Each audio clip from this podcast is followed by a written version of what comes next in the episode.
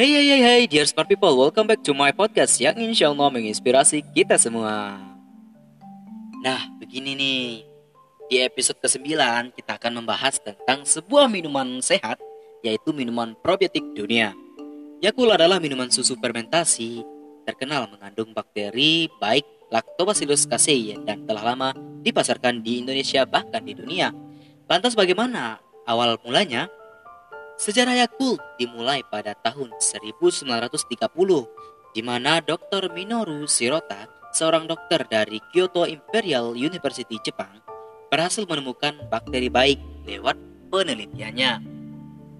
Bakteri ini dinamakan Lactobacillus casei Shirota strain dan merupakan bakteri asam laktat yang bermanfaat menekan bakteri yang merugikan di dalam usus manusia.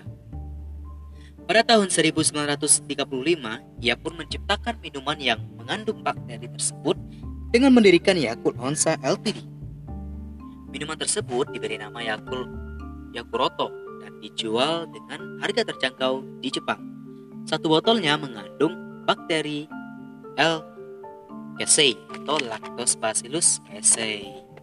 Nah, Yakult mulai dipasarkan ke Taiwan pada tahun 1964 kemudian diikuti negara-negara di Asia, Australia hingga ke Eropa. Yakult memilih menjadi minuman probiotik pertama di dunia. Di Indonesia sendiri, Yakult diproduksi oleh PT Yakult Indonesia Persada pada tahun 1990 yang merupakan anak usaha patungan antara PT Perkasa Simpati Persada dan Yakult Honsa Company Ltd. Semua pabrik Yakult di Indonesia berada di Pasar Rebo, Jakarta.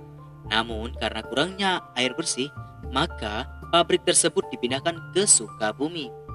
Jika di Indonesia, Yakult hanya memiliki satu varian rasa, ternyata di beberapa negara terdapat varian rasa lain seperti jeruk, apel, dan anggur.